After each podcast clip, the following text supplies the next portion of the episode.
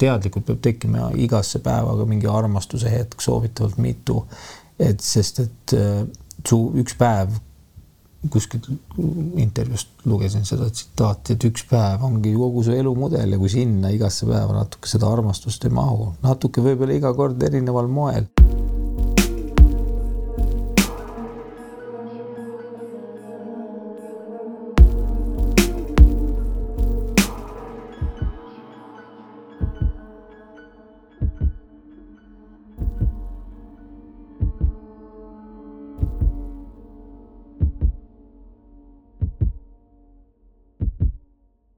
ma siis ütlen äh, selle ära, mida ma juba ennem ütlesin, et mul oli tegelikult plaan täna äh, teha ainult meeste saade, et äh, rääkisin Meelisega, et võiks nagu üle pika aja, kuna Elina kogu aeg noh, toob nagu, ta teeb nagu natuke rohkem ja siis tuleb siukest naiselikku vibe'i, siis, siis kui Elina kuulis, et seda, et Meelisega ütles, Meelis on minu listis ka ah.. väga hea, vaata, meil on siuksed listid ja. nii armas. ühesõnaga, et meid on tegelikult siin täna neli ja võib-olla olekski sobiv aeg äh, saatekülalistel ennast mõne sõnaga tutvustada, sest et ega meiega kõik ju kõiki ei tunne. ma tegelikult äh, siis jätkan seda, hüppan vahele, et kui ma kuulsin, et, äh, et sa tahad kaasa kaasa võtta, kaasa kaasa võtta siis ma ütlesin, et oh, nii sobib mul veel eriti, nii et mul on väga hea meel, et kahe asemel on täna meid siin neli. ja see on ka ajalooline saade, sest meil pole mitte kunagi olnud saates nelja inimest korraga, nii et äh, mina olen täna sellise käsimikrofoniga siin. ma pakun, et see on ajalooline ka selles vaates, et keegi pole istunud kaisus saate ajal nagu. ei ole jah. me nüüd edaspidi hakkame panema inimesi kaisu siis. või võtate ise kaisu. või siis on variant, et me oleme Elinaga kaisus ja siis on. kirjaliku nõusoleku alla. ja siis on äh, külaline on siin vastas tugitoolis ja või jah ja siis on või, või on variant, et meil on külaline ja siis me toome talle ühe inimese, kes vaikib, aga lihtsalt kaisutab. kas sa tegelikult otseselt, ma ütlen oma nime ja Heleri ka, jah? ei ole vaja, las jääda anonüümseks, keegi ei tea, kes on Meelis Oidsalu olen ja. see on nagu mingisugune ametlik, tere, ma olen Meelis Oidsalu, ma olen nii ja nii vana ja. ma olen kaitseministeeriumi asekantsler, kaitsevalmiduse asekantsler. ja siis äh, minuga on kaasas Heleri Reinsalu ja tervitus kõigile ja mm, oleme Meelisega käinud ühte rada siin nüüd juba pisut rohkem kui aasta. värske, värsked armunud on teie ees, ma loodan, et armastuse saates on ka neid käinud teil, kes on rääkinud sellest, kuidas on olla värskelt armunud. väga vähe.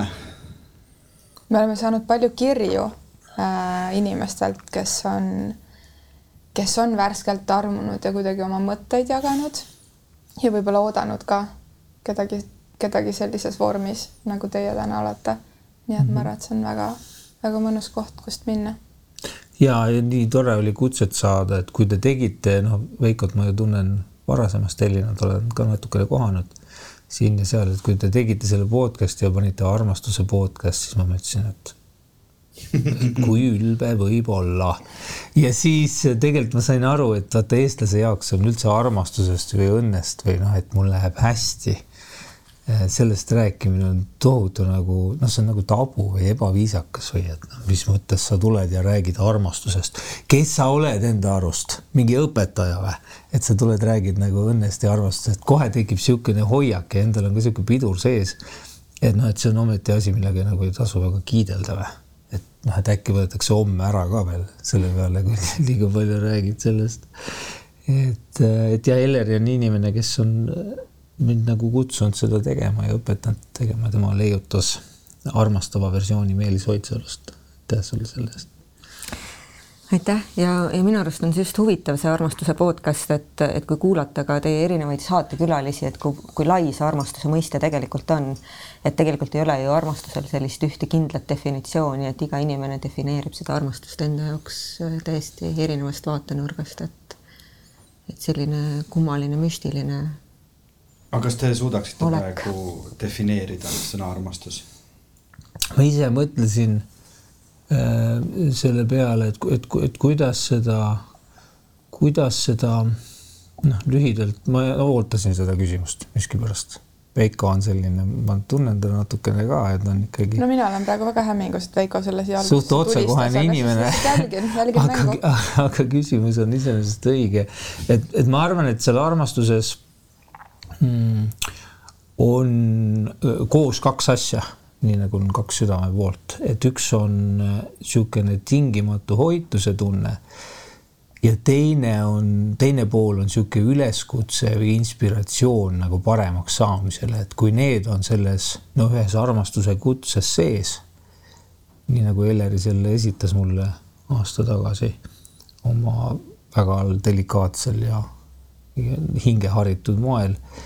et siis see ongi armastus, seal on, seal on koos see tingimatu hoituse ja selle paremaks saamise noh, inspiratsioon või nõudlikkus isegi natukene. et see, et kui ma ütlen, et ma olen kellegagi suhtes ja päriselt armunud, siis, siis noh, see ei tähenda seda, et et see on täiesti tingimusteta ja sa võid lihtsalt minna lägastama sinna või noh, et sa teed niisuguse nagu kolikambri oma sellest suhtest, kus sa võid, noh, seal, seal võingi olla põhimõtteliselt nii, nagu ma mujal ei jaksa olla, sest me kanname hästi palju nagu maske. aga et siis, et, et on see üks ruum või, või hoitus, mille nimi on kodu, kus sind ainult noh mitte siis ei suissutata seal, sest sellega inimene mugandub kohe kiiresti ära, inimene läheb laisaks. Äh, ka, ka väga toimivas lähisuhtes, vaid seal on ka mingisugune üleskutse paremaks saamisele või kasvamisele. et, et need kaks asja minu, minu jaoks nagu teevad täiusliku suhte ja siukse täiusliku armastuse ka, ma ei tea, Elleri jah, ma olen selle hoituse aspektiga väga nõus ja, ja ma laiendaks seda hoitust veel nagu sellisele nagu aktsepteerimisele, et, et üks selline armastuse alustala minu jaoks on, on tegelikult partneri aktsepteerimine. Et ma tõesti näen partnerit koos tema, tema heade külgedega, koos tema nende külgedega, mis võib-olla vajavad veel natukene arenguruumi või, või milles on sellist nagu kasvamispotentsiaali, aga, aga ma aktsepteerin partnerit sellena, kes ta on. Et ma ei proovi teda muuta kuidagi mingisuguse oma projektsiooni läbi või oma mingisuguse ideaalnägemuse läbi, milline ta olema peaks, vaid, vaid ma lihtsalt lasen partneril olla, olla see, kes ta on, et, et minu jaoks see aktsepteerimine on kuidagi armastusel väga selline nagu oluline komponent või oluline alustala. ja, ja teine alustala, mis minu jaoks on, on ikkagi selline nagu sisemine pühendumisotsus et, et minu jaoks mingis mõttes armastus ja armastamine ei ole ainult see, see tunnete ja emotsioonide tulv, vaid see on ka mingisugune sisemine otsus, et jaa, et, et see on see inimene, kellega ma soovin oma eluteed käia, ükskõik kui pikk või lühike siis see kokku määratud ajaperiood äh, kellelgi on aga, aga see on minu sisemine otsus, et, et ma soovin sellesse suhtesse panustada ja selle suhte nimel tööd teha. et igas suhtes on ju omad tõusud ja, ja omad langused ja, ja omad rõõmud ja omad takistused, mis teele tulevad, aga,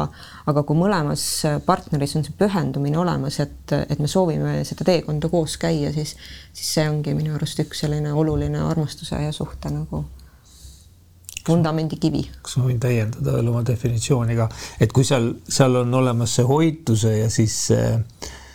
inspiratsiooni pool, et siis seal keskel nende kahe nagu niisuguses mõjuväljas on loovus ja mängulisus. ja, ja noh, see on see komponent, mis peab noh, vähemalt minu jaoks sellises toimivas suhtes olema, et see, et me koos loome midagi ise mõtleme välja, mis asi see on, mida me loome, aga et meil on ka mingi loomeprojekt lisaks sellele, et me oleme lihtsalt siuksed noh, tänulikud armastuse õpilased ja ja, ja, ja üksteise hoidmise ja hellitamise kaudu lihtsalt õpime elu tundma, ka selle nagu tumedaid külgi. et jah, noh, läks kirikuelu saateks kätte ära. ei, väga hea, ma mõtlen just, et kui oleks praegu kontrolltöö on ju ja mina siis vastan, et siis ma vastaksin ilmselt nagu need kõik need aspektid oleks seal kuidagi sees minu sõnastuses või tunnetuses aga siis, kui ma seal kontrolltööst nagu ruumist on ju sellest lahkun, äh, olen esitanud oma paberid ära, on ju, ja siis on see päriselu, kus on vaja nagu päriselt äh, aktsepteerida ja vastu võtta seda inimest sellisena, et mis siis juhtub. sest et ma suudan seda sõnastada ka, et ma tahan, et mind võetakse vastu või soovin või, või, või vajan või mis iganes see sõna võiks olla sellisena, nagu ma olen ja ja partner samamoodi, aga päriselus on ikkagi nagu mingitel hetkedel väga keeruline, et kõik see, kust me tuleme, on ju, kust me kasvanud oleme või millistes suhetes me varem oleme olnud, et tekib ikkagi nagu mingisugune ootuse koht või mingi selline nagu, et, et varem on nii olnud või et, et need oma mustrid kuidas see selle ilusa definitsiooni kõrval päriselus välja tuleb? jah, meil on, meil on tegelikult selline hästi huvitav äh, läheduse praktika, mida me ise, ise nimetame saunaõhtuteks, äh, mida me teeme kord nädalas. ja ja ma leidsin selle praktika kunagi äh, internetist. Mm, selle internetiallika põhjal on see pärit siis veedalikust Venemaast, aga veedalikult Venemaalt, aga, aga noh, ega ma tegelikult ei tea, kas see on tõsi või mitte, aga aga, aga see oli selline huvitav praktika, kus kirjeldati, et kord nädalas äh, mees ja naine äh, võtavad endale teatud aja, saadavad lapsed kodust ära või, või muretsevad neile hoidja ja, ja räägivad selgeks kõik need pingeallikad, äh, mis selle nädala jooksul neile tekkinud on, neie, nende enda suhtes ja, ja jagavad neid üksteisega ja, ja räägivadki täiesti ausalt oma, oma haavumistest, oma solvumistest, oma vihastamistest, aga samamoodi ka rõõmuhetkedest, et, et mis selle nädala jooksul oli sellist, mis, mis mulle sinu kui partneri juures tõeliselt nagu rõõmu pakkus ja, ja mis hetkedel ma ennast armastatuna tundsin ja, ja kui me olime circa kolm kuud koos olnud, siis, siis me otsustasime Meelisega, et, et me hakkame seda praktikat katsetama. ehk et me võtsimegi selle traditsiooni, et iga nädalavahetus, kas siis laupäeval või pühapäeval, meil on kuskil kaks-kolm tundi aega, kus me lülitame ennast muust maailmast eh, välja, et meil ei ole kõrvalisi segajaid ja hakkamegi siis koos seda nädalat läbi käima, täiesti päev päeva haaval, et eh, mis meil esmaspäeva õhtul toimus? Kas midagi jäi sellest esmaspäeva õhtust sulle hinge, kas midagi jäi nii-öelda hinge kriipima, kui midagi jäi, siis me jagame seda ausalt ja proovime sinna nagu ühiselt koos nagu sisse vaadata, et mis asjad need äh, siis olid ja miks need asjad meid äh, kuidagi nagu häirisid või, või haavasid või, või natukene torkisid. Ja, ja me proovimegi seda vaadata nii-öelda distantsilt ja, ja emotsioonivabalt, pigem läbi selle mõistmise ja aktsepteerimise prisma ja pigem läbi selle vaatenurga, et et ma tõesti proovin oma partnerit mõista, mõista, kust see tema ärritus tuli ja mis selle taga on ja kust ka minu enda mingisugune ärritus tuli ja mis minu enda sees tegelikult selle taga on. Et, et noh, alati ju tegelikult mingisuguste emotsioonide taga on ju mingisugused sügavamad põhjused, et miks see partner suudab minus seda olukorda nagu käivitada. Ja, ja Meelis, sa jaga enda kogemusi, aga, aga, aga see on küll praktika, mis minu hinnangul on nagu meeletult nagu lähedust äh, tekitav ühelt poolt ja teiselt poolt ikkagi väga palju ka seda usaldust ja, ja mõistmist suhtesse toov praktika, et ma tõesti saangi süvitsi aru miks tema sellel hetkel võib-olla ärritus ja mulle niimoodi ütles, nagu ta ütles, või miks mina nagu läksin emotsiooni ja paugutasin uksi, et et see mõistmine ja aktsepteerimine on nagu see põhivõti, mida see saunaõhtu aitab meil äh, teha ja neid lahti mõtestada, neid probleemkohti. Ja aitäh, Elleri, see on hästi oluline, mis sa küsisid, see on kuidagi nii iseloomulik olnud meie sellele aastale, et meil, meil on kuidagi see suhe ja see on vist võib-olla hea suhe või üldse hea armastus teeb seda noh, käivitab sind niimoodi, et mingi hetk sa tunned, et see noh, see käib üle jõu sulle kuidagi. sul ongi käivitatud mingid vanad lapsepõlveaegsed traumad, noh, tavaliselt mida tehakse.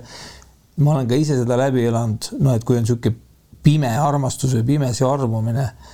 et ähm, et siis see osutabki sellele seisundile, kus sa tegelikult oma mingid vajadused projitseerid kellelegi, see on see noh, armastus esimesest silmapilgust, mida ma olen mõlema nagu poole pealt kogenud. Ja kus,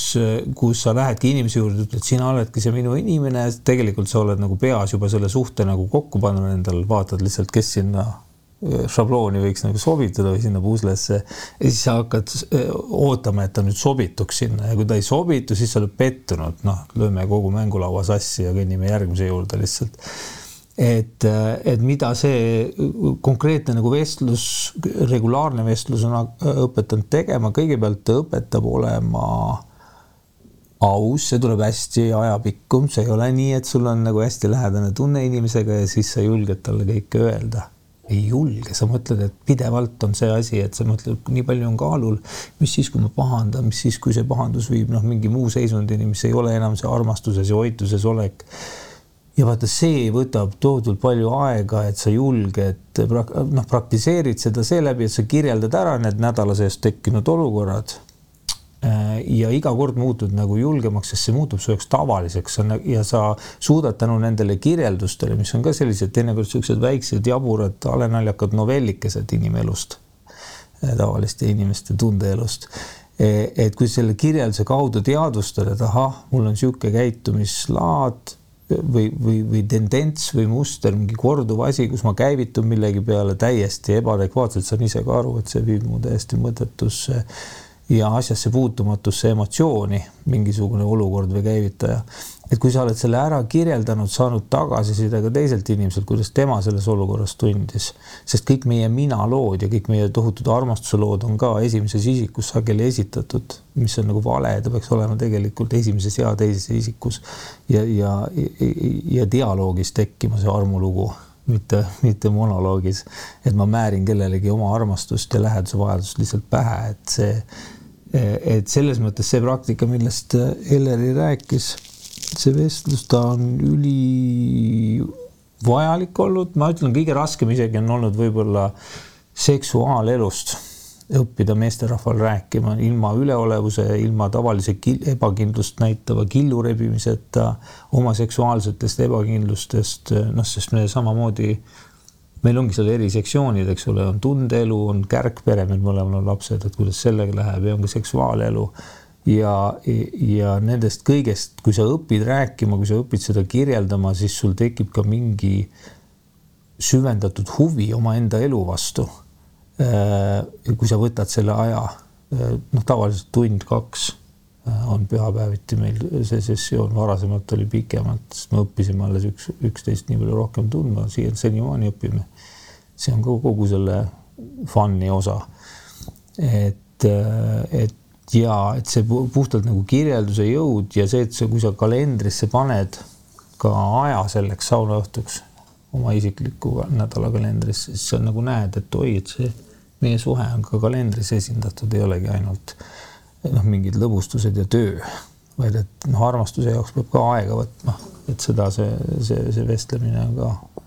sellele osutanud et, et sellise kirjelduse teel, kui sa neid käivitusi ja neid asju nagu kirjeldad, siis sa õpid neid ka aktsepteerima ja armastavalt paigutama kuhugi ja ka muutma, proovima eri lähedusi. kui see kümnes kord mingi asi on käivitunud ja sa tunned juba, et okei okay,, ma ei suudagi seda kontrolli alla saada või et see kuidagi ongi lappav.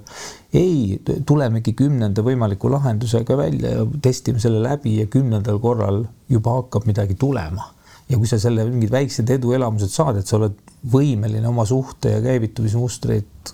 kuidagi kujundama selle hooliva dialoogi läbi, et siis see on tohutu nagu eduelamus ja, ja siis sa saad järsku aru, kui tähtis roll on teistel inimestel, üldse teisel inimesel kui sellisel sinu elus. armastuse jaoks peab ka aega võtma. ilus ja kuidagi see mul praegu endal tekkis nagu oma isikliku eluga niisugune reality check, et ma olen üldse nagu keeldunud aastaid kalendrit kasutamast või nagu jagamast oma kalendrit kellegagi, sest et et see,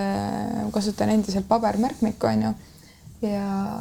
ja mul on nagu, mu elus on inimesi, kes peavad tähtsaks, et meil on ühine kalender, et ma olen pidevalt sellele ei öelnud. Ja praegu lihtsalt vaadeldes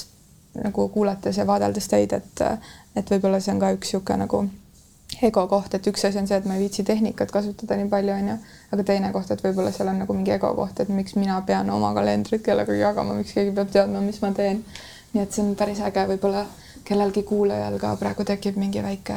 klikk sellega, aga mul on üks küsimus veel äh, selle teie nädala, nädala kohtumise osas, et, et kuidas see selles mõttes reaalselt välja näeb, et kui nädala sees tekib mingi olukord, onju et kas sa siis tead, et sa jätad selle nii-öelda äh, pikema jagamise sinna nädala lõppu või, või kuidas see kuidagi nagu, kuidas see keha toimima hakkab või kuidas meel ja süda nendel hetkedel käituvad, et võib-olla tahaks nagu kuidagi plähmerdada sellel hetkel onju, aga sa tead, et ma olen näinud nende eelnevate kuude ja nädalate jooksul, et kui ma annan aega, siis aeg annab arutust, onju, ja ma olen nagu kuidagi mõistvam ja distants, et kui meil on see seal nädala lõpus, et distants juba nagu setitab need õiged asjad äh, välja, mis tegelikult on vaja edastada, et kuidas sa, äh, kuidas sa käitud, Elari, nagu nädala nädala jah, jooksul? et kui mingisugune emotsioon nagu tõusetub, noh, eks ma ikka loomulikult, me mõlemad ikka jagame kohe ka seda emotsiooni, aga noh, see kohe jagamine ongi ikkagi läbi selle emotsiooni prisma, et seal ei ole seda teadlikkust mm -hmm. veel taga. et selle distantsi võlu ongi just see, et, et kui seal on ju isegi see paar-kolm päeva juba vahet, et sa suudad sedasama olukorda ikkagi juba näha natukenegi emotsioonivabamalt ja juba sellise teadlikkuse ja, ja ka võib-olla natuke ratsionaalsema analüüsiga ja, ja siis on juba see ühine arutelu hoopis nagu teises kohas ja, ja palju efektiivsem kui see noh, emotsioonituhinas nagu üksteisele siis mingisuguste lausete loopimine, et et see distants selles mõttes küll pakub nagu sellist nagu teadlikkuse ja ratsionaalsuse toomist nagu sinna arutellu. ja ta noh, loob selle turvatunde ka, et mul on koht, kus ma seda saan arutada ja, ja seda võimalust ka, et kui ma ise olen emotsioonis või noh, käivitun millegi peale, et siis ma ju ei, ma saan, annan endale aru, et ma olen suures osas ebaadekvaatne selles hetkel ja noh, minna, minna täispeaga rooli, noh, ei ole väga nagu tulus tegevus. et tuleb oodata see kainenemine ära ja siis arutada. ja noh, see ongi nii, et see, see võtab ka selle tunde ära, et või noh, sellised hetked ma äh, varasemalt olen ikka kippunud niimoodi käituma, et noh, et kui on, ma võtan seda nagu läbikukkumisena, kui on mingi niisugune pinge tekib, et ei ole, see on lihtsalt õppimise võimalus või noh, et midagi olulist järelikult vajab tegelemist ja hoolt ja hoidmist sellisel armastaval moel. no mis te arvate, kas see on mingi selline asi, mis, äh, mis töötaks ka kahekümne aastase Meelise ja kahekümne aastase Heleri peal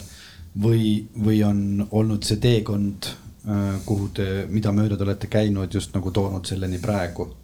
ma arvan, et ta oleks võinud toimida nii, kui mulle näiteks koolis igasuguse muu tarkuse kõrval oleks õpetatud seda, näiteks noh, klass on ju ideaalne keskkond selleks, seal on hästi palju pingeid erinevaid.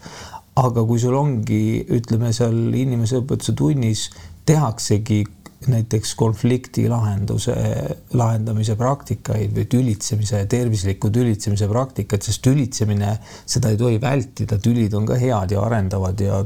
tülid on üks nagu noh, maailma tundmaõppimise viise ka ja elu tundmaõppimise viise ja teise inimese tundmaõppimise viise, neid ei tohiks nagu vältida, aga kui mulle maast madalast noh perekonnast niikuinii sageli tuleb signaal vanematelt, et üldse tegelikult ebameeldivatest asjadest ei peagi rääkima, et meil on siin kõigil niikuinii eeter täis igasuguseid igapäevamuresid. et ärme nüüd veel rohkem risusta seda, et suruge alla, suruge alla, niisugune kutse tuleb tavaliselt, eks ole. ma enda kogemusest räägin lihtsalt, aga, aga et siis, kui seal, kui seal mulle antaks mingid sotsiaalsed oskused kaasa, seesama oskus, et ma suudan rääkida seksist ilma selle tohutu noh, üleolevuse või niisuguse kihistamiseta näiteks füüsilis, füüsilisest lähedusest. et, et noh, see, kui vähe partnerid ka omavahel räägivad voodikogemustest, kui vähe analüüsitakse seda, et kuidas meil noh, tegelikult voodis läheb, et mis, kas on, on midagi, mida saab kas noh, tehniliselt või hoiakuliselt muuta kogu selles läheduse avalduse protsessis, mis on ju nii ihaldusväärne ometi inimestele keegi nagu ei ole õppinud sellest rääkima ka ebakõladest voodis näiteks oma partneriga, et kuidas neid koos ületada mänguliselt, loovalt ja võtta see eduelamus ära. jess, noh, et me saime sellega hakkama, me häkkisime selle hästi tundliku teema, mingi seksuaalse ebakindluse, mis on võib-olla pärit, sul ongi mingi lapsepõlve kogemused või muud jamad on seal taga, et me häkkisime selle koos läbi ja tekibki niisugune tiimitunne või et see ongi nagu suhtes olemise tunne, sellised võidud jah, vastuseks su küsimusele, et ma arvan, et aus vastus on küll see, et, et see ikkagi ongi tulnud elukogemusega, et, et kahekümne aastaselt tõenäoliselt ma ei oleks osanud sellist praktikat sellisel moel rakendada, nagu ma seda täna suudan rakendada, et et, et selle taga ikkagi ongi ühelt poolt see elukogemus, et me mõlemad ju, ju Meelisega tuleme, tuleme elust, kus me oleme ka kogenud kümme pluss aastat kestnud abielusid ja ka muid, muid teisi suhteid, et ikkagi see, see elukogemus ja see, see suhete kogemus ja erinevate partnerite kogemus on ikkagi seda, seda küpsust ja teadlikkust äh, küpsetanud. et, et enda kahekümne aastase Heleri kohta ma jah, ütleks, et, et tema ei oleks osanud seda praktikat kindlasti rakendada küll aga mida ma olen mõelnud, ma ei ole seda küll veel emana tegema hakanud, aga mida ma olen mõelnud, on see, et tegelikult võiks ju sedasama praktikat hakata rakendama oma lastega, et ka tõesti ka oma lastega, kes, kellest varsti juba üks hakkab teismeikka jõudma, et et äh, istudagi kord nädalas maha ja samamoodi võtta see kasvõi pool tunnikest või tunnike ja, ja käia temaga koos nagu see, see ühine nädal läbi, et, et kus olid sellised vastastikused haavumised või, või solvumised või mittemõistmised. Ja kui laps ikkagi juba juba varasest noorusest seda oma pereelus kogeb, siis ma usun, et tema küll oskaks seda juba ka kahekümne või kahekümne viie aastaselt rakendada, aga, aga ma olen selles mõttes eh, Meelisega nõus, et, et seal peab olema ikkagi mingisugune kogemus või mingisugune, mingisugune teadmine nagu taustaks. Ükskõik, kas see tuleb siis koolist või see tuleb siis nagu perekonna poolt või, või tuleb seegi, tulebki see siis lihtsalt aastatega läbi sellise elukogemuse ja suhete kogemuse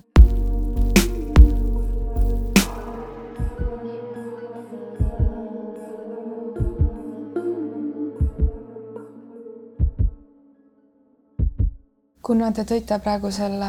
seksuaalsuse ja, ja ka laste teema mängu, siis ma just eile tulin Tartust, äh, olime kolmekesi naistega ja kaks tundi rongis tuli kuidagi laste ja seksuaalsuse teema. et ähm, ja kuna sa Meelis ka just ütlesid, et kui koolis oleks seda õpetatud, on ju, meie siis rääkisime sellest, mis on tegelikult juba noh, mitmetest vestlustest erinevate inimestega läbi käinud, et et koolis seksuaalsusest räägitakse peamiselt kahes võtmes. üks on see, kuidas ära hoida rasedust, on ju, ja teine on see, et kuidas vältida suguhaigusi, aga keegi ei räägi nagu naudingutest või, või et mida see, millega see meie seksuaalsus veel kuidagi seotud on või, või see loominguline mina või, või elujõud või, või energia tõstmine on ju, et siin võib isegi nagu praegu minna, võib-olla kasutada sõnu, mis kellelgi on too much, aga lihtsalt see, et ei ole, et äh, seks või seksuaalsus ei ole seotud ainult nagu miinusmärgiga sõnadega. ja seksu- ja seksuaalsus nagu laiema lahend-, läheduse praktikana, mis ei olegi võib-olla erootiline seksuaalsus alati noh, veel vähem mingi pornograafiline teisend sellest, mida me tegelikult, me teeme hästi palju niisugust suhtumispornot, äh, viljeleme seksi. Noh, sellega mingid, ma ei tea, paljast, dissipaljastused Youtube'is, kellelgi läks kogemata diss paljaks hihihi, ahahaa, hästi palju klikke, et, et selline, ütleme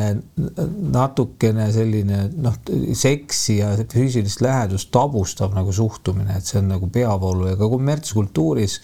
vägagi levinud asi, kommertskultuur muide sellise tabustamise eh, pealt teenibki paljuski raha, eks ole, see voyeuristlik elamus, mille sa saad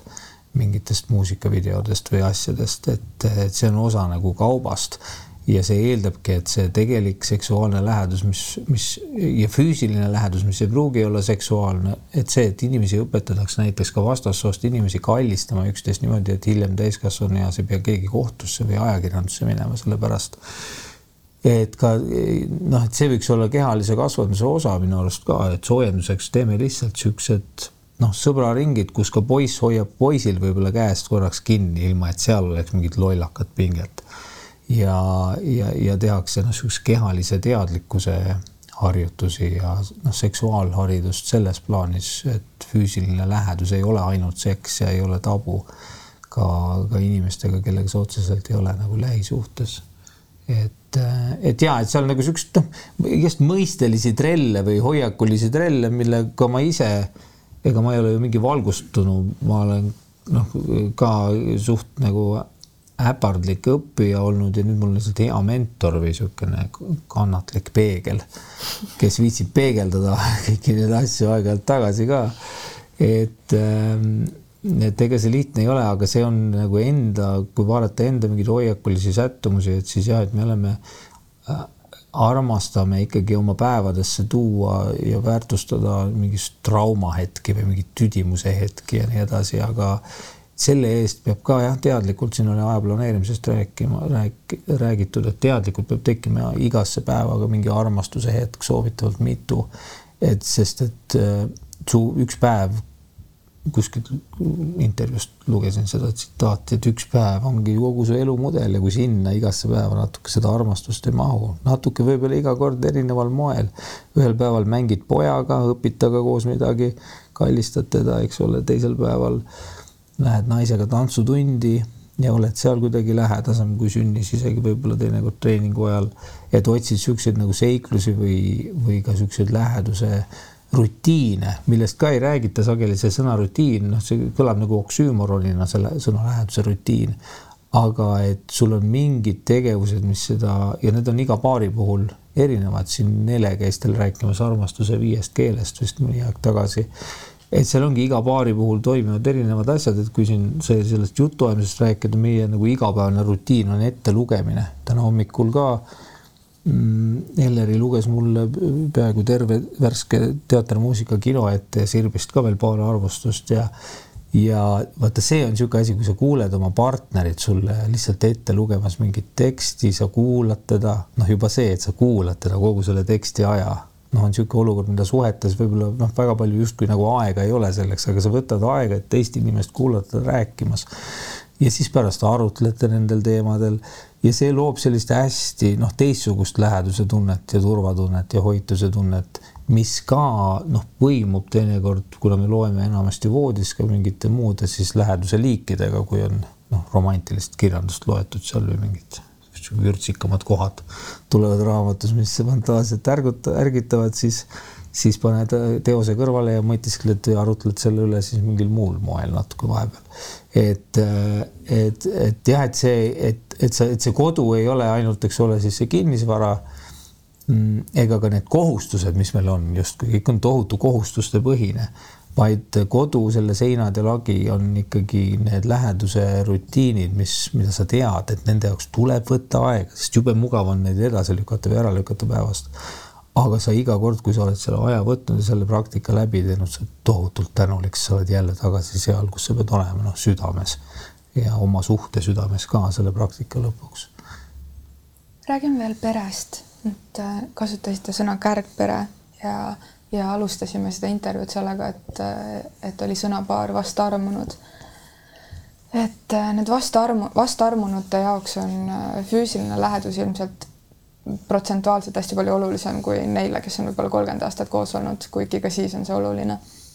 et kui on äh, peres lapsed või siis teie puhul on ju mõlema lapsed, et kuidas siis kuidagi seda armastust hoida töös ja ja toimimises ja, ja seda logistiliselt lahendada nii, et kõik oleks hoitud, et, et lapsed ei tunneks, et, et nüüd on keegi uus, kes, kes mu emme või issi tähelepanu võtab, on ju. ja samas nagu, et teie saaksite oma seda värsket armastust kuidagi hoida. kuidas see dünaamika toimub ja toimib? see on ka ikkagi niimoodi, et sa võtad selleks aega, meil on pikad nädalalõpud, noh, viimastel aegadel sunniolude tõttu Eestis ainult aga et sa võtadki, sõidad ära kuhugi, võtadki paar päeva ja oledki armatused seal terve nädalavahetuse võib-olla. aga et sa võtad selleks ka aega, sest see nõuab aega, see noh, minu arusaam ka seksuaalsuhetest on olnud selline noh, suhteliselt nagu pinnapealne et see just ja ja see on ka osa sellest vaata füüsilise läheduse puudulikust haridusest, ma ei tea, mida seks võib tähendada, kui selleks võtta aega ja seda teha tõesti niimoodi, et sa, et see ei ole nullsumma mäng, et sa jälgid pinevalt, et oleks mõlemal viiskümmend protsenti see pingutus sajast, vaid et mõlemad panevad sinna võib-olla noh, kaheksakümmend protsenti ja kokku on see asi siis märksa rohkem kui sada kuuskümmend tänu sellele nagu sünergiale, mis tekib ja muudes asjades ka et suhetes hästi palju kiputakse minema, kui me räägime sellisest noh, ütleme teistpidi ajajaotusest suhtes, et seal minnakse, kiputakse minema just selle nullsumma mängumudeli peale, et pidevalt jälgitakse, okei okay,, kui mina nüüd panustan või annan siin millegagi, eks ole, et kas teine mulle ikka nagu vastu ka annab. aga noh, tegelikkus on see, et kui mõlemad panustavad natuke rohkem, kui oleks õiglane, ka on see natuke rohkem kui ta on üks protsent rohkem, ta tegelikult toob nii palju tagasi. et, et jah, et mingi, mingi noh, toimuvad suhted mingi suhtes mingisugused nii-öelda peab, peavad olema jah, mulle tundub mingisugused ja igaühe jaoks on see erinev. ma olen siin äh, usin õpilane, mitte mingi õpetaja, aga et peavad olema mingid äh, head rutiinid, mis sa tead, et, et need töötavad raudselt ja neid tuleb ka otsida kuidagi, eks me oleme ka otsinud, katsetanud eri asju, aga siis sa jõuad mingite asjadeni, mis ongi mis ongi sinu suhte nagu raketikütus, need mingid harjumused, mis teil on? jah, ja, ja, ja meie kärgpere lapsed on ju ikkagi üsna sellises vanuses alles, et nad nõuavad üsna palju äh, tähelepanu, et paratamatult nad äh, ju, ju viivad ka paari suhtest seda osa aega ära, aga, aga nagu Meelis ütles ka, et, et meil ongi selline kokkulepe, et vähemalt kord kuus meil on kindlasti selline nagu ähm, ärasõidu nädalalõpp kas ongi siis reedest pühapäevani või kui tööalaselt on võimalik, siis võib-olla isegi juba neljapäevast pühapäevani. et broneerimegi mingi hotelli kuskil Eestis just seetõttu ka, et sellest nii-öelda tavapärasest äh, argikeskkonnast äh, välja saada ja siis see ongi meie selline nagu kahekesi olemise kvaliteetaeg, et, et isegi kui mingil hetkel võib-olla tekib natukene selline puuduse äh, või defitsiidi tunne, et, et kui lapsed näiteks liiga palju aega ära hõivavad, siis vähemalt ongi see teadmine, et meil on on juba ette broneeritud, et vot sellel kuupäeval me lähme ja, ja proovime seda järjepidevalt hoida, et et igas kuus vähemalt üks selline nädalalõpp nagu üksteise jaoks oleks, et mis on see täiesti sajaprotsendiline üksteisega olemine ja, ja kohustustevaba nagu nädalalõpp, et ja, ja mulle tundub, et see toimib tegelikult väga hästi. ja ta toimib isegi võib-olla selles võtmes, et kui noh, lastega on see seks-, noh, ütleme, et see tõenäosus, et et laste juuresolekul seksuaalsete ulakustega nagu tegeled selliselt puhtalt nagu sättumuslikult kuidagi noh, sa oled natuke teises rollis seal. et aga see annab pigem võimaluse ka, ka neile peredele, kes tunnevad, et on nagu noh, kogu see olme nagu sööb nende armastuse ära. et lülita ümber siis kuidagi või et see, see ruumiline ümberpaiknemine on üks võimalus selleks. ja teine asi, et tee siis mingit nagu mänge ka, kehastu ise ümber. ma ei tea, mulle tundub, et kui me läheme Eleriga noh, sinna oma armuretkele, et siis ma olen armukesega väljas. teinekord me mängimegi mingeid rollimänge ka, et tema on seal äh, siis äh, sekretär ja mina olen ehitusfirma juht, kes põgenesid nädalavahetuseks kuskile hotelli, igast erinevaid muid stsenaariumeid on ka läbi mängitud aga see just annabki, sa nagu noh, tead, et sa siis selle hetke oled nagu täiesti nagu kvaliteedis kohal. Ja sa saad nagu mingi ühise seikluse ja toredaid ekstsesse ja meenutusi nagu ka selle käigus. jah, et see toob nagu sellist ja. nagu rõõmu ja mängu, äh, mänguilu nagu sellesse suhtesse, et et tegelikult ju, ju meis igaühes on ju lisaks sellele küpsele täiskasvanule on ka see äh,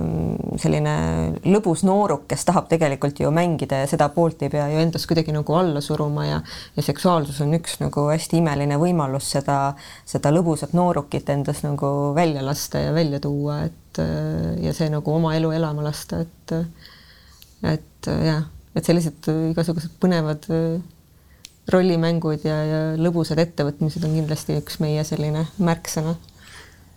Veiko on, jääb magama juba. ei, ei, ma ei jää. kirikuelu saadet kuulates. ma just mõtlesingi seda, ma just kujutasin ette, ma veel panin Meelisele selle neoon kollase vesti ka selga ja selle kiivri pähe ja ah. kui ta on just ehituselt tulnud, see ehitus. see on ühe teise saate teema nüüd, see konkreetsem pilt.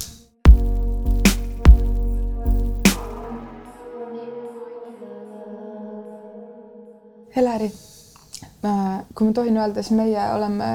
ilmselt, me ei ole liiga palju elus kohtunud, onju, aga, aga see kontekst või kuidagi see ruum meie ümber on mm, -hmm. on alati mingis mõttes väljendanud mingisugust võib-olla teadlikkust ja mingit sellist ähm, mm, kohalolu ja kui ma siin Meelist kuulan ja ta mingitel hetkedel kuidagi viitab sinu kui mentori poole või, või et ta õpib sinuga koos. et äh, ma ise naisena olen ka nii-öelda selles rollis, kus äh, kus partner on valmis õppima ja mina nii-öelda toon mingi info lauale ja ta väga kuidagi äh, kõrvad kikkis kuulab ja võtab oma aja, setitab ja siis äh,, ja siis kuidagi tegelikult on väga valmis kaasa tulema. et äh, aga mida ma märkan mingitel hetkedel on see, et ma ei taha kogu aeg õpetaja olla. nüüd küsingi sinu käest, et, et kui sina nii-öelda selle teadlikkuse võib-olla siis sellesse suhtesse oled suuremal määral toonud, et mis, mis tundeid see tekitab, et kas sulle meeldib see roll, kas sa vahepeal tunned, et äkki sa oled nagu tugevam, äkki sa oled mingis mõttes ma ei tea, kuidagi targem või et, et, et kogu aeg justkui sina tooksid seda infot, see ei pruugi nii olla, aga kas sa mõistad, mis ma mõtlen? ma, ma saan aru, mis sa mõtled, aga tegelikult mina nagu seda probleemi ei tunne, sellepärast et meie suhtes on ka väga palju asju, kus just mina olen selles õpilase rollis ja, ja Meelis on selle, selles õpetaja rollis. et, et nad on lihtsalt nagu teistmoodi asjad, et, et, et Meelis väga palju ongi mind õpetanud ja, ja andnud just nagu sellist äh, nõu ja, ja abi näiteks mingisugustes tööalastes situatsioonides või, või äh, mingisugustes kultuurilistes asjades, et ma tunnen tegelikult, et meil on selles mõttes see kuidagi nii-öelda õpetaja, ma ei tahaks isegi öelda õpetaja ja õpilase roll, aga et meil on need asjad tegelikult nagu tasakaalus, need lihtsalt avalduvad nagu erinevates eluvaldkondades et ma nagu väga-väga just imetlen mingisuguseid Meelise omadusi, mis minus noh, täiesti puuduvad ja, ja need on just need omadused, kus, kus mina vaatan Meelise poole nagu alt üles ja, ja suu ammuli ja imetlen ja, ja soovin nagu, nagu temalt just õppida, et, et selles suhtes ma tunnen, et meil on see kuidagi nagu tasakaalus. jah, ma tunnen ka Elleri suhtes ise imetlust, aga ma tunnen, et on asju, kus ka mind imetletakse, et see on hästi hästi oluline saada imetleda seda oma lähisuhtepartnerit et see on selle kogemuse osa ja see on see innustav osa, mis noh, innustab olema veelgi parem, siis parim võimalik versioon sinust. Jah, ja nii hea, et sa selle imetluse teema tõid, sellepärast et et kui rääkida mm, mingisugustest sellistest suhte alustaladest, siis, siis kuidagi läbi oma elukogemuse ma olen aru saanud, et imetlus on tegelikult nii oluline komponent suhtles, suhtes, et suhte algusaastatel on seda imetlust ju noh, väga nagu lihtne hoida, et eriti kui inimesed on värskelt armunud, noh siis, siis sa imetledki seda partnerit äh, pea laest jalatallani. aga eriti nagu pikaajalises suhtes see partneri päriselt imetlemine kuidagi kipub nagu äh, hääbuma ja, ja kuidagi ma olen aru saanud küll, et seda imetlust on nagu nii oluline tegelikult äh, alles hoida ja ka kuidagi teadlikult seda isegi noh, mm, tugevdada ja selle nimel tööd teha, et see imetlus äh, ära ei kaoks, et, äh, et, et ma tõesti selle imetluse läbi tunnengi sisemist rõõmu, et ma olen nii tänulik, et just see inimene ongi minu partner ja vot seda tunnet äh, on nagu nii oluline hoida ka, ka seal viie aasta pärast või kümne või viieteist aasta pärast, et et see imetlus on, on oluline komponent suhtes küll. aga jah, et ei läheks liiga hardaks, siis pulli peab ka saama. et see ja, pull on ja pull ja mäng on nagu teine asi, mis hoiab ikkagi seda asja asja käigus ja ka, ja ka, ja ka nagu noh, selles mõttes ja osadust, mõlema võrdset osadust läbi selle mängu. et me olemegi erinevad inimesed, et me ei ole sarnased. väga paljuski kardinaalselt erinevad ja, ja selle erinevuse talumise õppimine on ka õppimine, eks ole et mitte tahta teha, et see teine inimene peab olema nüüd nagu mina või mõtlema nagu mina, et see väike ühiskond, mille nimi on paarissuhe, et et see on nii palju nagu noh, kõigil õppimisvõimalusi, et. kui sa tõid selle äh, ühiskonna ja, ja paarissuhte teema siia sisse, siis. Äh, Eleri keelas mul poliitikast rääkida. poliitikast, ei, ma ei, sind ei ole üldse poliitilist küsimust. ma pigem äh, küsin siis seda, et kui te praegu siin kahekesi niimoodi diivanil istute, et siis kas, kas nagu ühiskonna ja paarissuhte vahel see võrdusmärk on, on nagu hea, et see, kus me praegu elame, see, see aeg, et äh, ei oskagi nagu seda küsimust hästi küsida. ma võib-olla küsin selle lõpuni, et kas seal noh, et saaks, et, et, et mis, et, et kas on mingeid asju, mis nagu, mida saaks äh, lahendada paari, toimivas paarissuhtes, äh, aga mida lahendatakse avalikult ja vastus on, minu vastus sellele oleks jah, et meil on hästi palju äh, niisugust ähm, ütleme, kõik see maskivastasus näiteks praegu ja see põhi, põhiseaduslikkusele rõhumine ja, ja et meil on meil ja, ja muud teemad siin, noh, Eesti rahva säilimise teema ja kultuuri säilimise ja kaitstuse teema. et hästi palju on ja ma ise olen ka seda praktiseerinud avalikus arutelus selliseid noh, solvunud lapsi või siis frustreerunud lapsi, keda noh, eile ma nägin ühte mänguväljakul, käisin pojaga tegime võidujooksu Mäkke, poole mäe peal ta komistas, siis tuli ilge kisa, noh, selline tüüpiline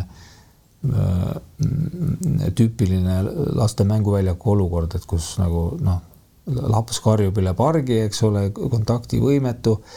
ja siis sa nagu mõtled lihtsalt, sa, sa lähme nüüd selle järgmise olukorra juurde, mis on meeldivam kui see siin, et kerime aega natuke edasi. aga kui sa siis võtad äh, nagu aega ja nagu me võtsime seal ja rääkisime siis, et, et mis äh,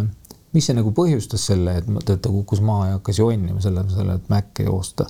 ja praktiliselt kingitud võit, eks ole, ära tuua pärast kukkumist. Et siis, siis, siis ta ise ka nagu suutis seda verbaliseerida, rääkis, et tal on nelja-aastane on, ta saab viies kohe, ütles, et tal on nii suur tahe võita, et tal nagu täiesti täiskasvanulikult inimene, eks ole, sedastab selle ära, et tal on nii suur tahe võita, et tal ta lihtsalt see, kui ta ei halda seda, noh, ta ei rääkinud selliste sõnadega, aga põhimõtteliselt ta ei saa, ta ei saa sellest jagu, et oma pettumusest, kui ta ei võida nii, nagu ta tahab, noh, et kõik läheb nagu ludinal. Ja vaata, selliselt pettunuid lapsi tundub, mul on hästi palju eetris igal pool, kes, kes, kes noh, vajaksid ka võib-olla mingites teistes olukordades seda vist vestluspartnerit, kes nad ära kuulaks ja neile teadvustaks siis selle dialoogi läbi iga, mis olukorras nad on ja mis see tegelik asi on, mille üle nad vihased on. ja, ja vaata see nagu, kui armastusest ja suhetest rääkida, et siis see on asi, mida just lähisuhe saab anda. see, et sa, et sul on aega partneriga rääkida ka sellest hästi olulisest inimesest, kelle nimi on sina ise ja, ja mõista teda ja, ja, ja tekitada selle läbi sellele sina isele natukene ärakuulatuse tunnet. et kui see praktika sul üldse nagu sõpruse, sõpruse või armuelu nagu kujul puudub, et siis ongi, sa lähedki seda nõudma kuskile Facebooki, eks ole, ja siis äh, kaubanduskeskuse turvamehe käest nõuad seda armastust. Äh, kui noh, äraspidiselt natukene keeldudes maski panemast, aga siis ikkagi korraldad piisava sigaduse, et tulevad teised turvamehed ka ja saad ikkagi telekasse ka oma rähklemisega seal, et noh, et see on täpselt tegelikult see mänguväljakul, et teed meelega mingi sigaduse, et isa tähelepanu saada, isa, kes on võib-olla telefonis või, või kuulab kõrvaklappidest hoopis armastuse podcast'i samal ajal. ja see on ka, see Facebook ja, ja kõik need muud kohad on, need inimesed ka kuidagi on, on nagu esiplaanil seal et ega sa väga muid inimesi seal ei, ei, ei näegi ja siis sul jääb, võib jääda selline mulje vahel, vahel õhtuti niimoodi diivani peal scroll ides mõnda Delfi kommentaariume või midagi tekib, tekib aeg-ajalt selline lootusetuse tunne. siis ma ikkagi üritan endale nagu tuletada meelde, et need üheksakümmend seitse protsenti inimesi ei kirjuta sinna, et nemad on lihtsalt nagu vait ja, ja see teeb natukese olemise paremaks, aga need vestlused, tulles tagasi selle saunaõhtu juurde, kas kumma kohta seal rohkem õpib, kas iseenda kohta või teise kohta? Mina isegi ütleks, et iseenda kohta, sellepärast et et äh, sinna saunaõhtule, nii-öelda saunaõhtule minnes ma juba pean iseenda sees nagu mingisuguse kaardistuse ära tegema nende oma emotsioonide kohta, mis mul siis nädala jooksul nagu üles on tõusetunud. ja, ja selline eneseanalüüs juba ennem seda nii-öelda partneriga rääkimist siis sel teemal noh, see õpetabki tegelikult enda kohta nii palju, et ma juba näengi ära nädalast nädalasse võib-olla, kuidas mingisugused mustrid korduvad, kuidas mingisugused käivitumised korduvad. kui ma küsin endalt, miks ma sellel hetkel käivitusin, siis nädalast nädalasse noh, need vastused tegelikult on needsamad, et noh, need mingisugused haavad, mis meid sisemiselt käivitavad, need on tegelikult ju kogu aeg nagu samad kuskil allhoovusena et, et loomulikult see aitab ka partnerit näha ja mõista, aga, aga ma julgeks öelda küll, et ikkagi selline iseenda tundmaõppimine on see isegi kõige rohkem minu jaoks. kuidas sul? ja ma lihtsalt selle võib-olla laiendaks natuke vastust küsimusest laiemaks, et me võtsime ka teadlikult, kui me otsustasime kevadel, et, et näed, pühendume üksteisele ehm, et võtsime teadlikult ka välised nõustajad ehk siis te, te, te, terapeudid mõlemad nii-öelda ja noh, andsime nõusoleku, et selleks, et vastastikku, et selleks, et see, et me ei peaks tegema partneri eest ära seda tööd, mida ma tegelikult ise peaks iseendaga tegema. Sest see on see asi, mis varem või hiljem selle kõvaketta täis ajab, eks ole, et ma kogu aeg no, ootan, et minu partner lahendaks mu eest minu probleeme. et siis selle märgiks, hea tahte märgiks ainuüksi, et me kumbki võtsime endale eraldi terapeudi ja siis rääkisime noh, mingid asjad, mis meie varasemaid suhteid olid lõhkunud ja, ja, ja, ja mis meid nagu igapäevaselt kuidagi mingit viha meist hoidab ja seda kohalolu, armastavat kohalolu minimeerib päeva jooksul varastab, et, et me tegime ka selle sessiooni läbi ja, ja noh, siis jagasime ka kuuldut ja nähtut. et see, aga see on kindlasti puhtalt nagu ka egoistlikult äh, tasuv projekt, selles mõttes sa saad iseenda kohta seal peamiselt nagu teada ikkagi teise inimesega rääkides. Jah, et, et kuidagi see psühholoogi juures käimine on meil ühiskonnas nagu hästi selline nagu tabuteema, et kes ikka nagu julgeb avalikult öelda, et ma käin psühholoogi juures et ja tavaliselt ikkagi seostub selle psühholoogi juures käimisega ikkagi see, et inimene pöördub psühholoogi juurde siis, kui sul on juba mingisugune tohutu kriis või, või madalseis ja ka ütleme, mingisugusesse baariteraapiasse minnakse siis, kui, kui suhe on kuidagi juba kuskile karidele kas juba jõudnud või kohe-kohe nagu jõudmas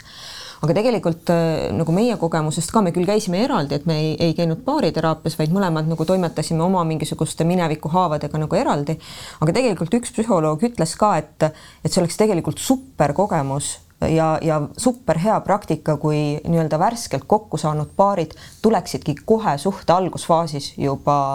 baariteraapiasse. et see kuidagi aitab nagu palju paremini üksteist näha, mis, mis taustast see partner tuleb, mis need tema hingehaavad on, et sa mingis mõttes tõmbad nagu kohe ennast partneri ees nagu alasti ja tänu sellele alastusele on sul hoopis teine platvorm või nagu vundament, kust nagu hakata siis nagu koos kasvama ja arenema, et kui, kui tavaline suhtemuster on ikkagi see, et, et esimesed paar aastat on selline imeline armumise aeg ja, ja vaatad partnerit läbi roosade prillide ja siis need mõlema haavad hakkavad nagu vaikselt nagu järjest rohkem ja rohkem nagu eetriruumi äh, võtma ja seda suhet kuidagi nagu karidele jooksutama, siis tegelikult on nagu meie kogemuse pealt on nagu super vundament see, kui kui sa tõmbadki nagu kohe alasti ära, kui sa näitadki oma need hingehaavad kohe ette ja hoopis selle pinna pealt hakata siis nagu koos edasi liikuma, et et julgeks, julgeks seda küll täiesti soovitada teistele, teistele paaridele ka.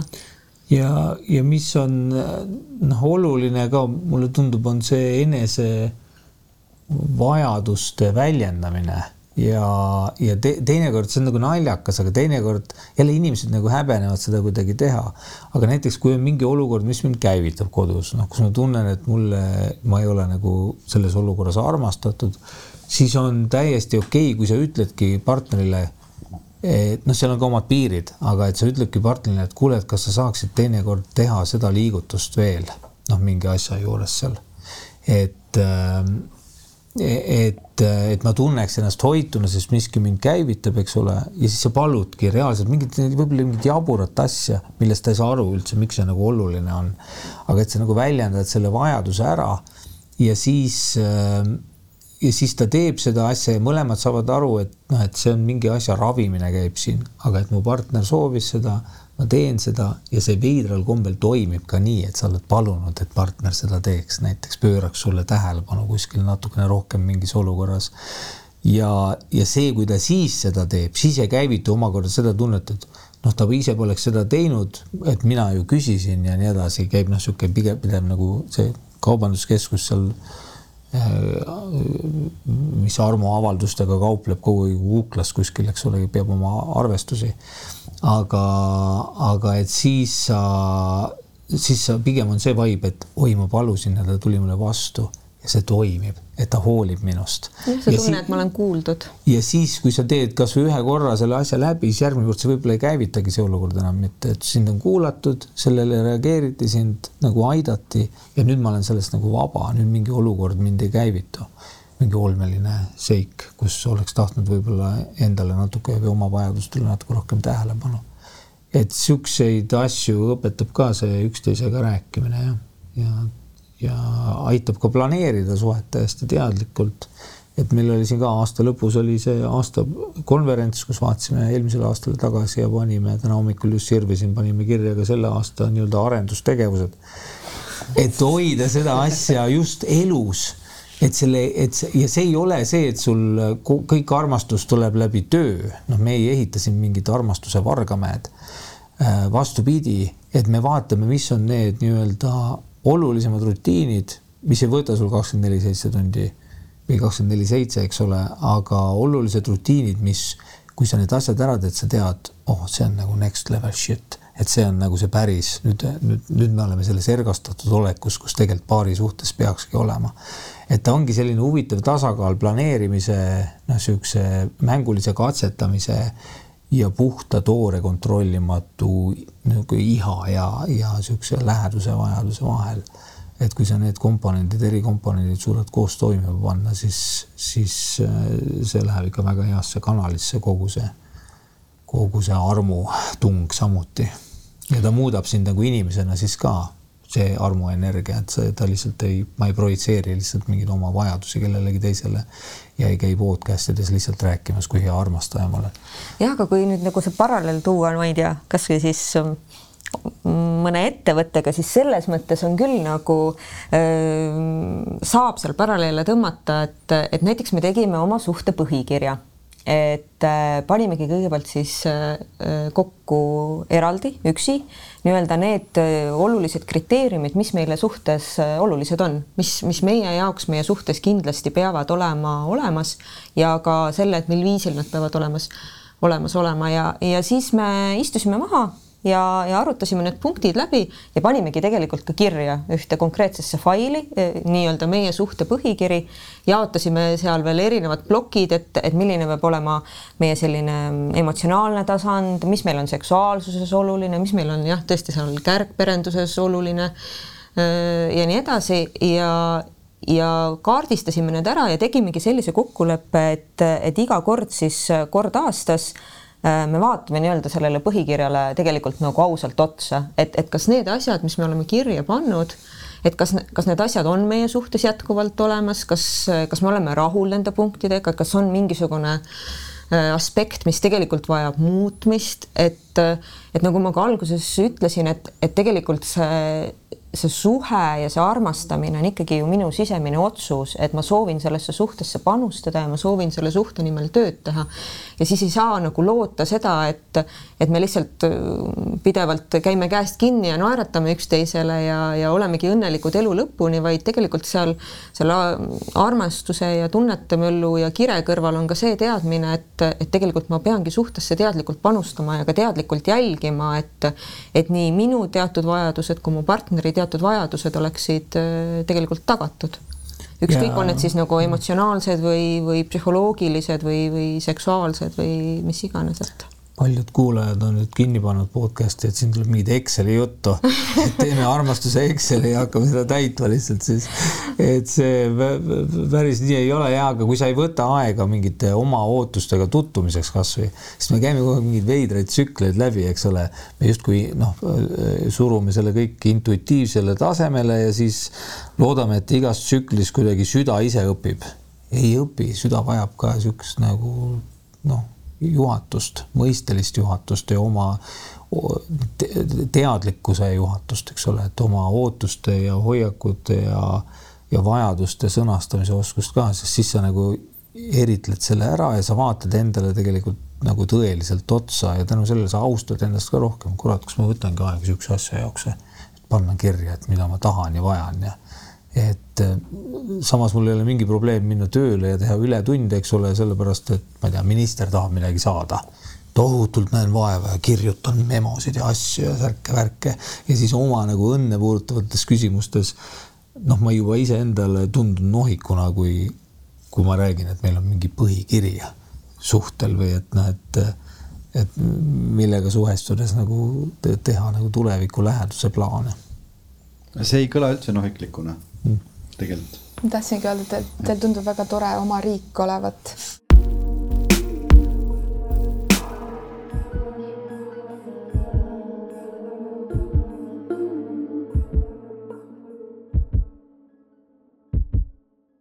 ma tegelikult üldistamisi ei armasta. Äh, aga, aga selle küsimuse vastus noh, ilmselt on üldistav ka. kui vaadata kuidagi sellele Eesti riigile peale, et mis seisukorras armastus Eesti riigis on? poliitikast ei tohtinud rääkida, aga armastusest, armastusest, armastusest võib rääkida. ei, ma arvan, noh, mis mulle silma paistab nagu meedias ka, ongi ühe, ühelt küljest selline noh, selge kehalisuse või seksuaalse harituse nagu puudujääk Äh, ja, ja, ja teiseks on ikkagi ähm, ma ei tea, kas see on kuidagi meediumides kinni või et noh, et, et see noh, sotsiaalmeedia on ka kuidagi meid siin väga nagu muutnud. aga just see, et ei ole nagu suhtlusprotsesse ei väärtustata nagu väga, mis on justkui armastuse nagu aluseks, vaid ongi selline pime armastamine käib, ma projitseerin oma armastuse, isamaa armastuse kogu riigile, siis ei, olen nagu kuidagi kiuslik või kiunuv nende suhtes, kellele see minu armastuse projektsioon ei meeldi, et milline mu riik peaks olema. ja minu see nii-öelda mind hoidev ja kaitsev ja toitev ja innustav riik. et, äh, et siukest, et kui me räägime, et tuua paralleeli, siis on hästi palju pimedalt armastajaid. Neid, kes elavadki oma nagu projektsioonidega ja nõuavad, et kõik näeksid nagu, kõik armastaksid samamoodi ja sooviksid sama, samasugust nii-öelda armuelu, ühesugust armuelu nagu kõigile. aga, aga, aga jah, et tuleb, tuleb leida just suhteliselt võib-olla vastandliku inimese näol, kes Elleri mulle näiteks on mingi partner, kellega siis äh, koos teadvustada seda, et ei, et see tõeliselt toitev armastus on see, mis sünnibki niisuguses nagu dialoogis ja ja, ja tülide ja pingete lahenda-, koos lahendamises, see on see, mis liidab mitte nende noh, lihtsalt väljendamises esialgses, sest iga selline väljendus on ka eos ebaadekvaatne, eks ole, ma tegelikult ei ole kedagi teist ära kuulanud, mul on mingisugune oma hirm, mida ma projitseerin või vajadus, mida ma projitseerin ja nõuan, et see oleks üldkehtiv inimõigus, selle rahuldamine jah, et kui vaadata nagu armastuse teemat ja kogu seda ühiselu teemat, et siis minu jaoks kuidagi torkab ikkagi silma tänases Eesti ühiskonnas see empaatia nagu vähesus. Et, et ükskõik, et, et kas me räägime kuidagi nagu siis sellistest nagu erakondlikest maailmavaadetest, mis inimestel võivad olla täiesti kardinaalsed või me vaatame praegu seda Covid kriisi, kus inimestel võivad olla täiesti nagu erinevad maailmavaated, kuidas ühte või teist olukorda peaks lahendama või või vaatame seal kitsamalt mingisuguseid abielureferendumi teemasid või mis iganes, aga aga kuidagi see läbiv märksõna on, on see empaatia puudumine, seesama, et, et, et jaa, mul võib olla üks nägemus, mul võib olla üks arvamus ja see on okei okay,, aga ma aktsepteerin seda, et teisel inimesel võib olla teine arvamus ja teine vaade asjale ja see on ka okei. Okay.. et ma ei, et ma ei raiu nagu järjekindlalt ainult seda oma tõde, vaid ma tõesti aktsepteerin, et nii palju, kui on äh, erinevaid grupeeringuid või, või erinevaid äh, nagu äh, jah, selliseid maailmavaateid ja, ja lähtekohti, et et need võivadki olla inimestel nagu erinevad, et kuidagi see empaatia ja aktsepteerimise puudumine on võib-olla see, mis, mis mulle nagu silma torkab ja natukene nagu ka õnnetuks võib-olla teeb kohati mingitel hetkedel. Ehm, kuidas seda nagu lahendada, ega siin nagu head, head nagu retsepti ei olegi, et, et üks asi, mis, mis küll on nagu üks võimalik lahendus koolisüsteemis on, et, et näen oma lapse pealt, et, et üks mu laps käib nii-öelda tavalises munitsipaalkoolis ja teine laps käib siis, siis erakoolis, Kaia koolis. Ja, ja nende kahe kooli erinevust võrreldes, et, et ikkagi näiteks Kaia koolis iga äh, iga päev algab sellise nagu, nagu aruteluringiga, et lapsed istuvadki maas ja arutavad ja jagavad oma emotsioone, et see koolipäev ei alga kohe kaheksa viisteist matemaatikatunniga või geograafiatunniga,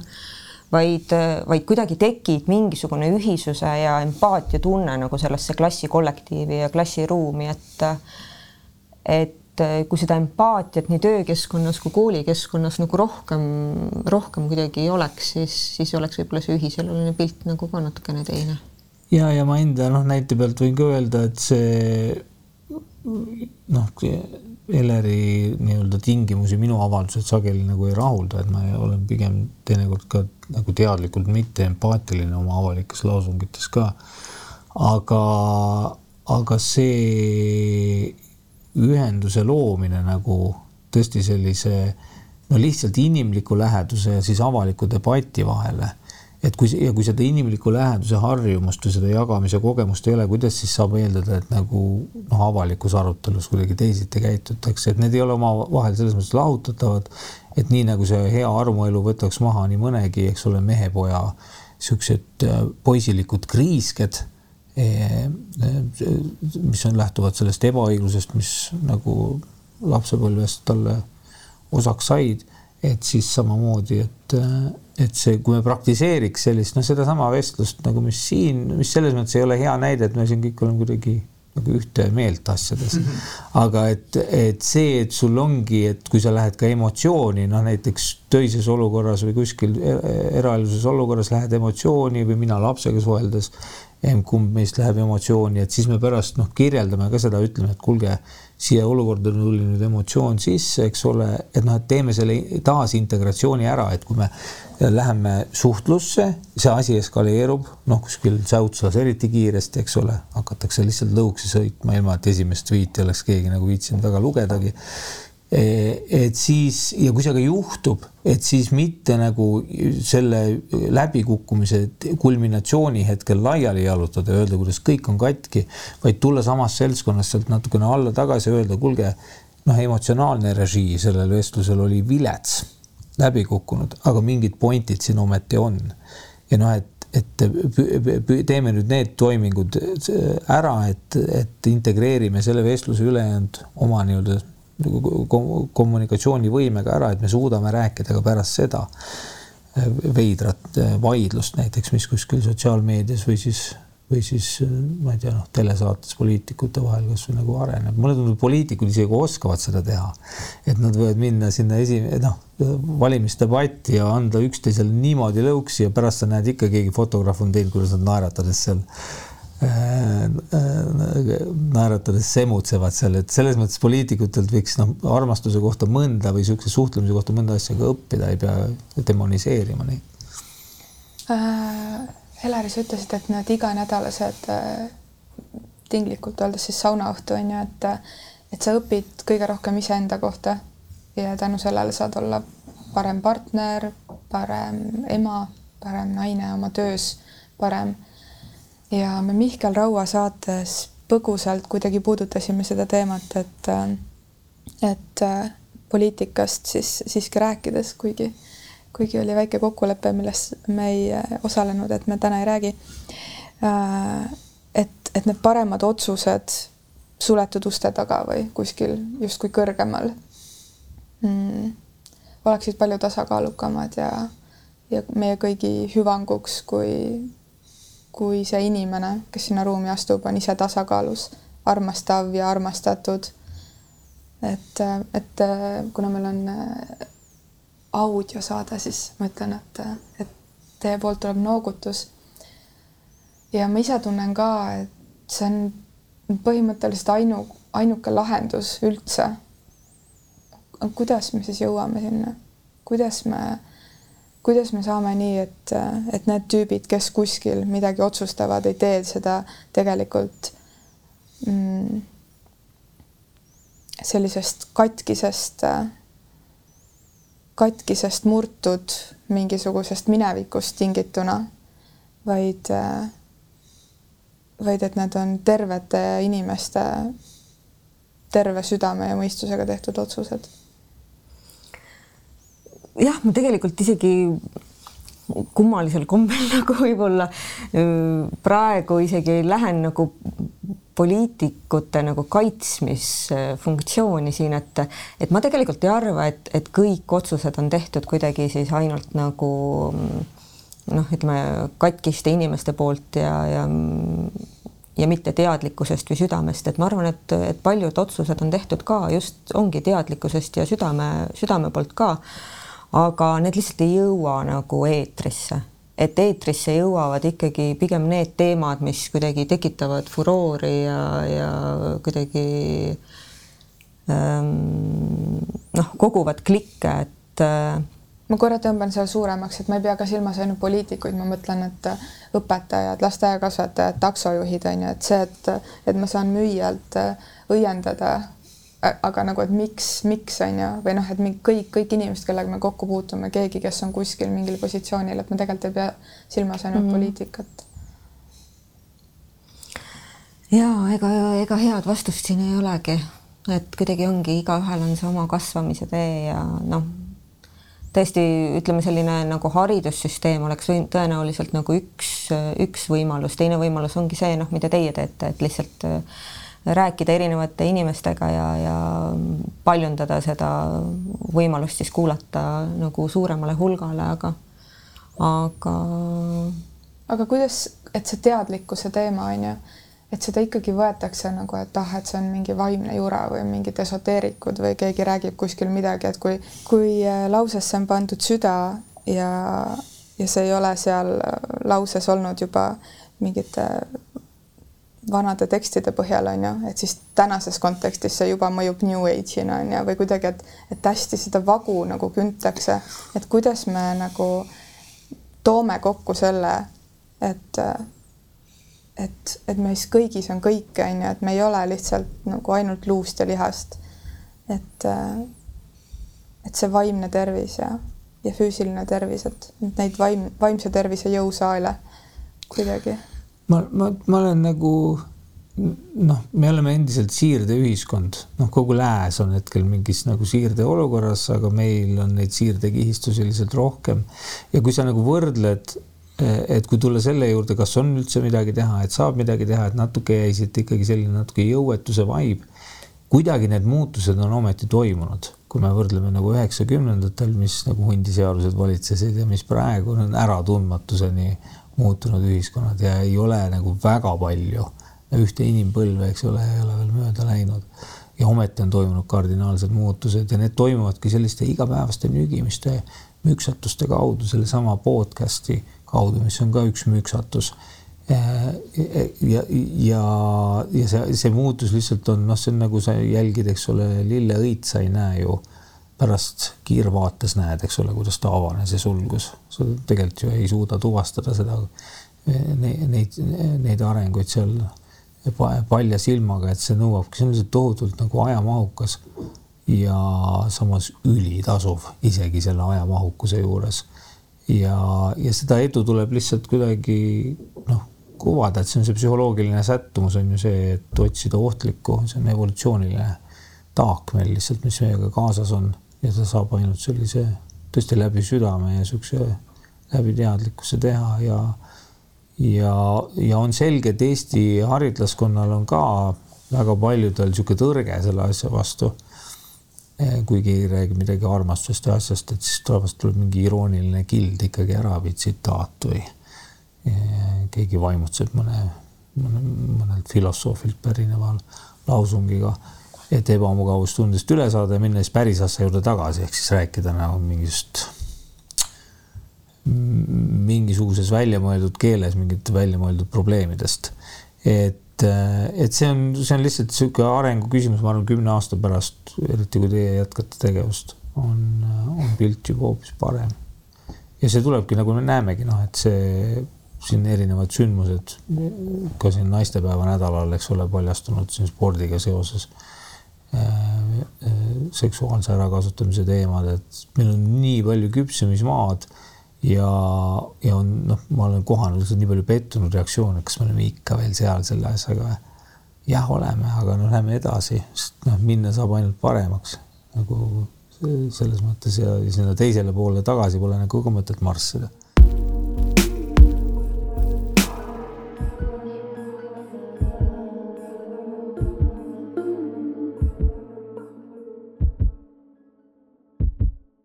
mul on äh, üks äh, rollimängu ettepanek. ja mängime. siia vaikselt hakkab saade lõppema, et mm -hmm. kujutleme ette nüüd, et mõlemale eraldi küsimus ja ikka rollimäng. Heleri on õpetaja ja temal on võimalus läbi viia tund, mille nimi on õnneõpetus ja Meelis on lavastaja ja tema saab teha lavastuse, mille pealegi on armastusest. kuidas see tund välja näeks ja kuidas see lavastus välja näeks? no see on küll huvitav huvitav roll. kas ma võin alustada? alusta. ma arvan, see lavastus näitaks ähm, selle lavastuse esimene pool oleks võib-olla selline nagu enamuks, enamik meie ametlikku kultuuri on niisugune kannatuse näppimine ja heroiseerimine. Äh, ja aga selle lavastuse nagu põhiosa ehk see teine pool näitaks ära, kuidas sa selle kannatuses oleku äh, nüüd mitte väga ülemäära suure, aga siiski sihitud lisapingutusega muudad elu rõõmuks ja näitad ära, kuidas need kaks asja on üksteisest toituvad mõnes mõttes. Äh, et meie, et kui rääkida, millist nagu lavastusi ma üldse nagu ihkaks teatris ka rohkem või ametlikus kultuuris, olekski võib-olla mingite helgete hetkede ja võimaluste kuvamine äh, selle asemel, et näidata seda enese haavade kratsimist pidevat ja verile kiskumist, et meie noh, ka kaasaegne kunst ja kultuur on hästi kristlik. et tahaks ikka näidata neid oma noh naeluhaavu või naeluauke randmetes, et need võiks ikka veritseda ka, et oleks nagu päris. aga see teine asi, ehk siis kogu selle noh, ma ei ole usklik, aga kogu selle Kristuse loo nagu sõnum mulle paistab ka, on selline, sul võib, sul võib ju olla seda nagu jama seal ja ebaõiglust elus, noh, kristlus oli, Krist-, Kristus oli ebaõiglaselt nii-öelda hukatud äh, inimene, kurjategija pähe et ja sellest hoolimata sa võid ka sellisest nagu kannatusest, kui sa lähe, julged sellest läbi minna niimoodi pea püsti, sa võid saada nagu siukse autasu täiesti uuel tasemel nagu noh, õnne ja eksistentsi kogemuse. Et, et ja, ja seda kogemust ennast ja seda nii-öelda konversiooni võib-olla näiteks rohkem, et meie, meie lavastused ja kultuur jääb sageli selle selle mm, Pontius Pilatuse nagu protsessi faasi kinni, et sinna põhipointini sageli ei jõutagi. Ja kui sa küsisid, et kui ma oleksin õpetaja ja õnneõpetus, et, et milline see tund siis välja näeks või mis ma teeks, mul tulid kohe silme ette ikkagi algklassi lapsed. Ja mul tuli meelde, kunagi keegi Facebookis jagas ühte ka mingit jutukest ühest Aafrika suguharust, kus, kus on siis selline praktika, et kui keegi seal külas teeb midagi valesti, siis teda ei mõisteta hukka, vaid kõik võtavad ringi ja, ja hakkavad sellele inimesele, kes midagi valesti tegi, hoopis ilusaid asju ütlema, et ta tunneks, et ta on ikkagi väärtustatud, hoolimata sellest öö, oma nii-öelda mingisugusest pahateost, mille ta siis korda saatis. ja ma arvan, et ma ehitaksingi selle tunni kuidagi samalaadselt ülesse, et kõik lapsed, kes seal tunnis on,